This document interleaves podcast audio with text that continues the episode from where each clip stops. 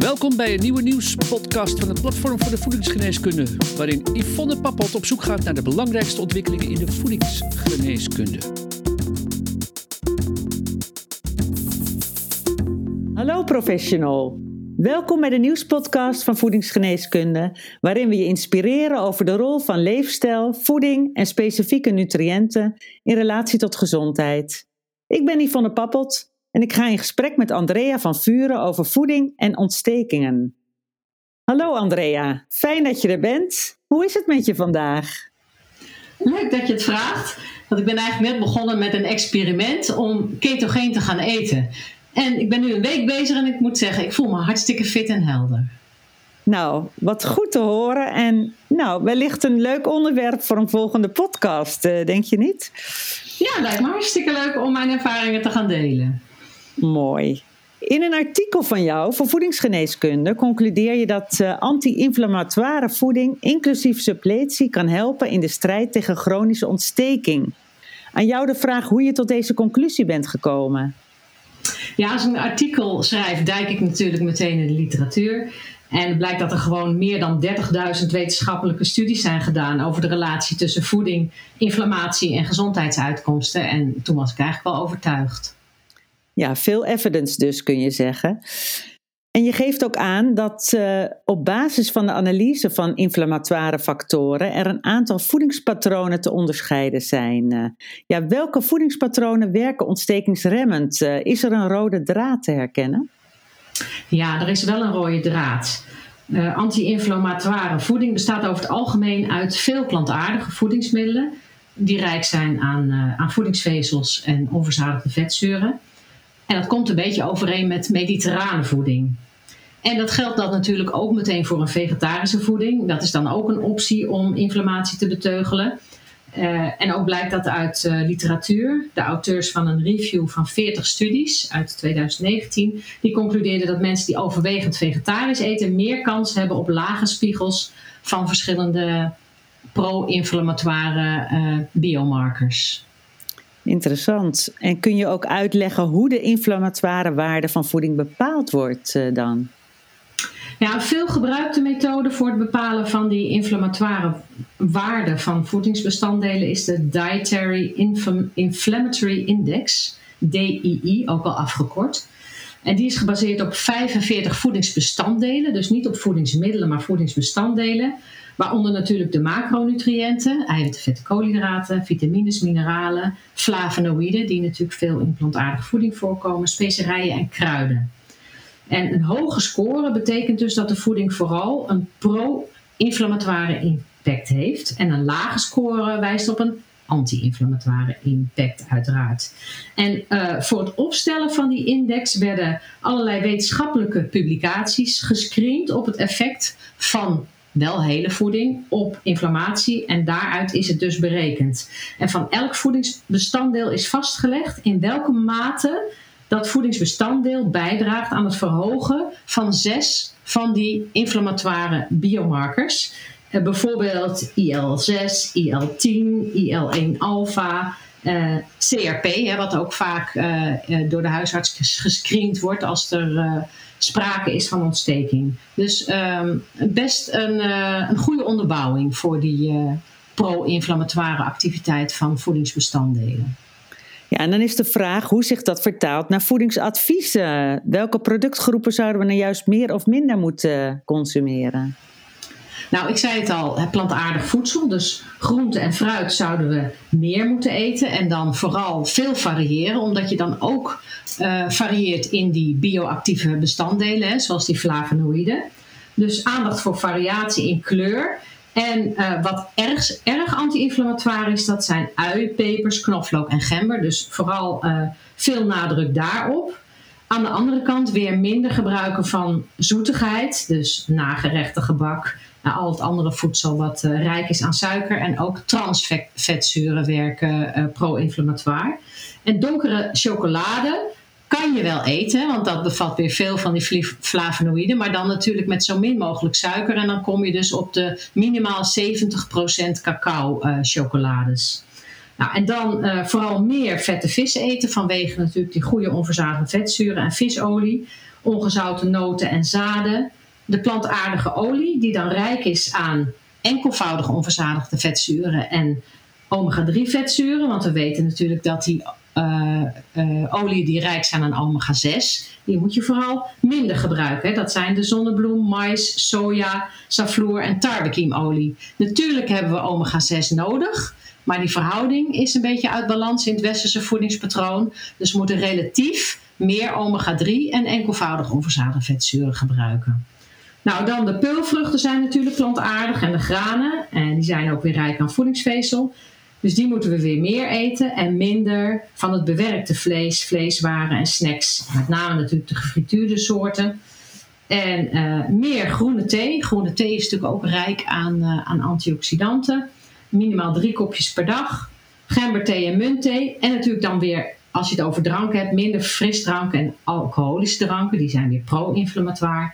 Uh, wat minder zuivelproducten. Dan kies dan vooral voor de gefermenteerde soorten, zoals de yoghurts. Um, of de probiotische yoghurts. En vooral oppassen met um, uh, voedingsbestanddelen die het immuunsysteem overmatig prikkelen. Dus die allergie of intolerantie triggeren. triggeren. Uh, en dat kunnen zijn tarwe bijvoorbeeld, of zuivel bij sommige mensen, of kunstmatige geur, kleur en smaakstoffen.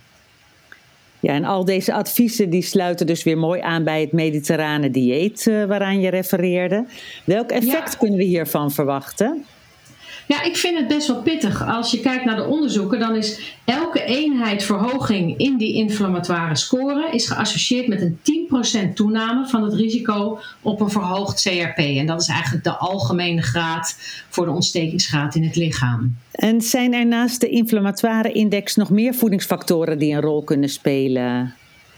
Ja, dat is goed dat je het vraagt. Want we moeten ons natuurlijk niet alleen maar blind staren op al die bestanddelen in de voeding. Maar het gaat ook om hoe je zelf je voeding klaarmaakt. En dat kan weer tot uh, meer of minder ontstekingen leiden. Als je alles frituur en bakt, dan kan je wel prachtige, uh, een prachtige samenstelling hebben van je voeding met veel plantaardig. Maar dan doe je eigenlijk het effect niet. En wat ook heel interessant is, dat ik heb als diëtist altijd geleerd van uh, zes eetmomenten op een dag. En want uh, dan voorkom je hypo's en krijg je een regelmatige toevoer van voedingsstoffen. Maar hoe meer eetmomenten, hoe meer opvlammingen van inflammatie. Dus hoe minder eetmomenten, hoe minder ontstekingsreacties. Dus maximaal drie maaltijden per dag. En momenteel is daar natuurlijk ook meer aandacht voor. Hè? Ook we hebben al een keer eerder een podcast gedaan over vasten en periodiek vasten. En dat dat ook heel gunstig is uh, voor de ontstekingsraad. En ook koolhydraatarme voeding. Nou ja, ik zei al, ik ben met een experiment bezig met een ketogene voeding. Ook dat is gunstig voor de ontstekingsgraad. En uh, met betrekking tot de supplementen, wat zijn dan de mogelijkheden om inflammatie te beteugelen? Ja, dat uh, hangt ook een beetje af van het uh, type inflammatie. Hè. We hebben het vaak wel eens over laaggradige ontsteking. Hè. Dat is een systemische inflammatie, maar je kan het natuurlijk ook lokaal hebben als je bijvoorbeeld last hebt van artritis hè, in de gewrichten met name of in het zenuwstelsel. dus dat hangt daar een beetje van af. Uh, de meest bekende uh, nutriënten zijn, die ook in suppletie voorkomen, zijn uh, de vitamines A of beta-carotene, B-vitamines C, D, E en K. De mineralen die eh, antioxidatief, oftewel anti-inflammatoire werken, zijn zink, selenium en magnesium.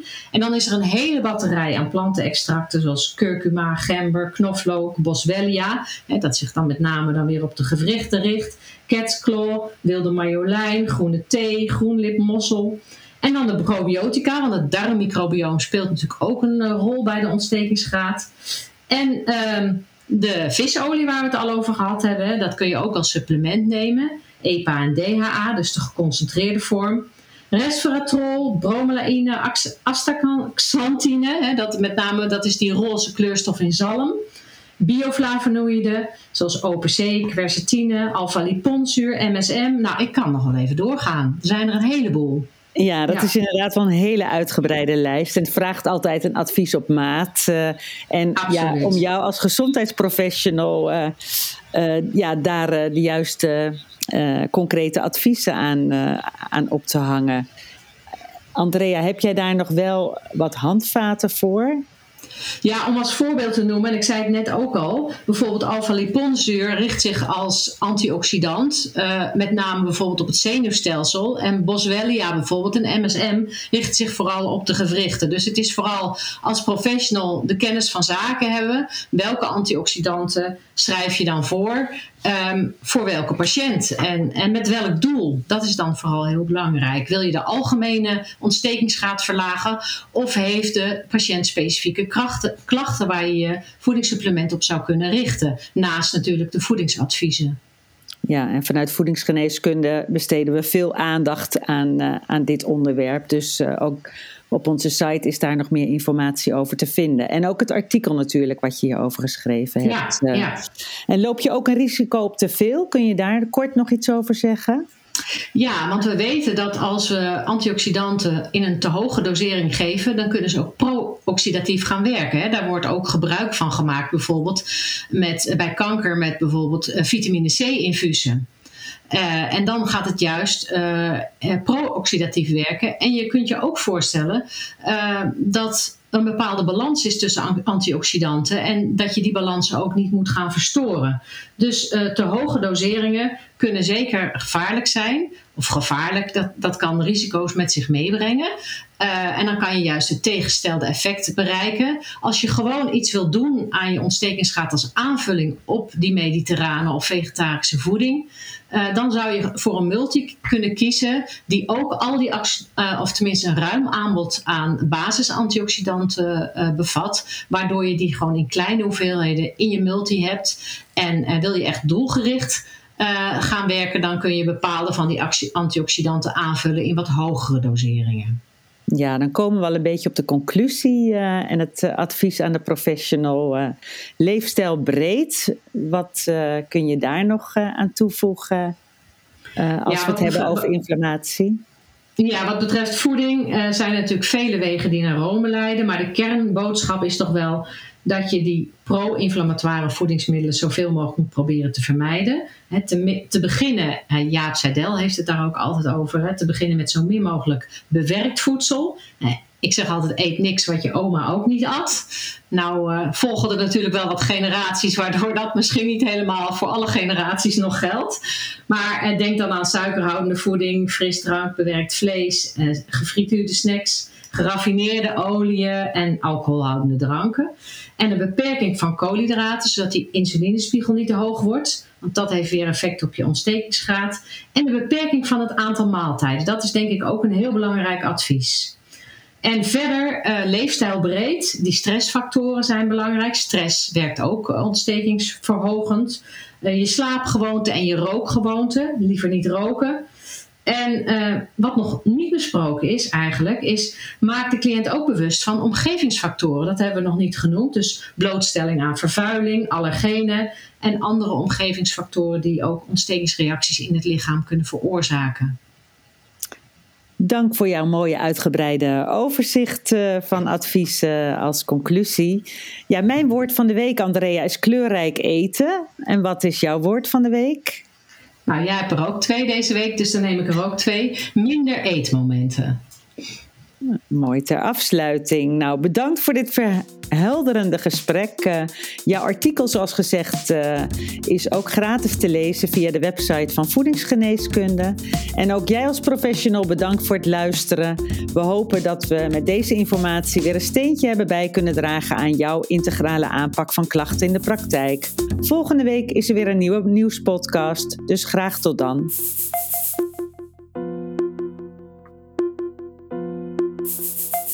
Via vakblad, website, podcasts en een jaarlijks congres biedt voedingsgeneeskunde al meer dan 20 jaar professionele en wetenschappelijk onderbouwde kennis. Gratis voor niets, het laatste nieuws in je inbox. Schrijf je dan in voor de wekelijkse nieuwsbrief op www.voedingsgeneeskunde.nl. Redactie en productie Yvonne Papot. Techniek Sjoerd Kaandorp. Voedingsgeneeskunde is een project van uitgeverij Media Medica.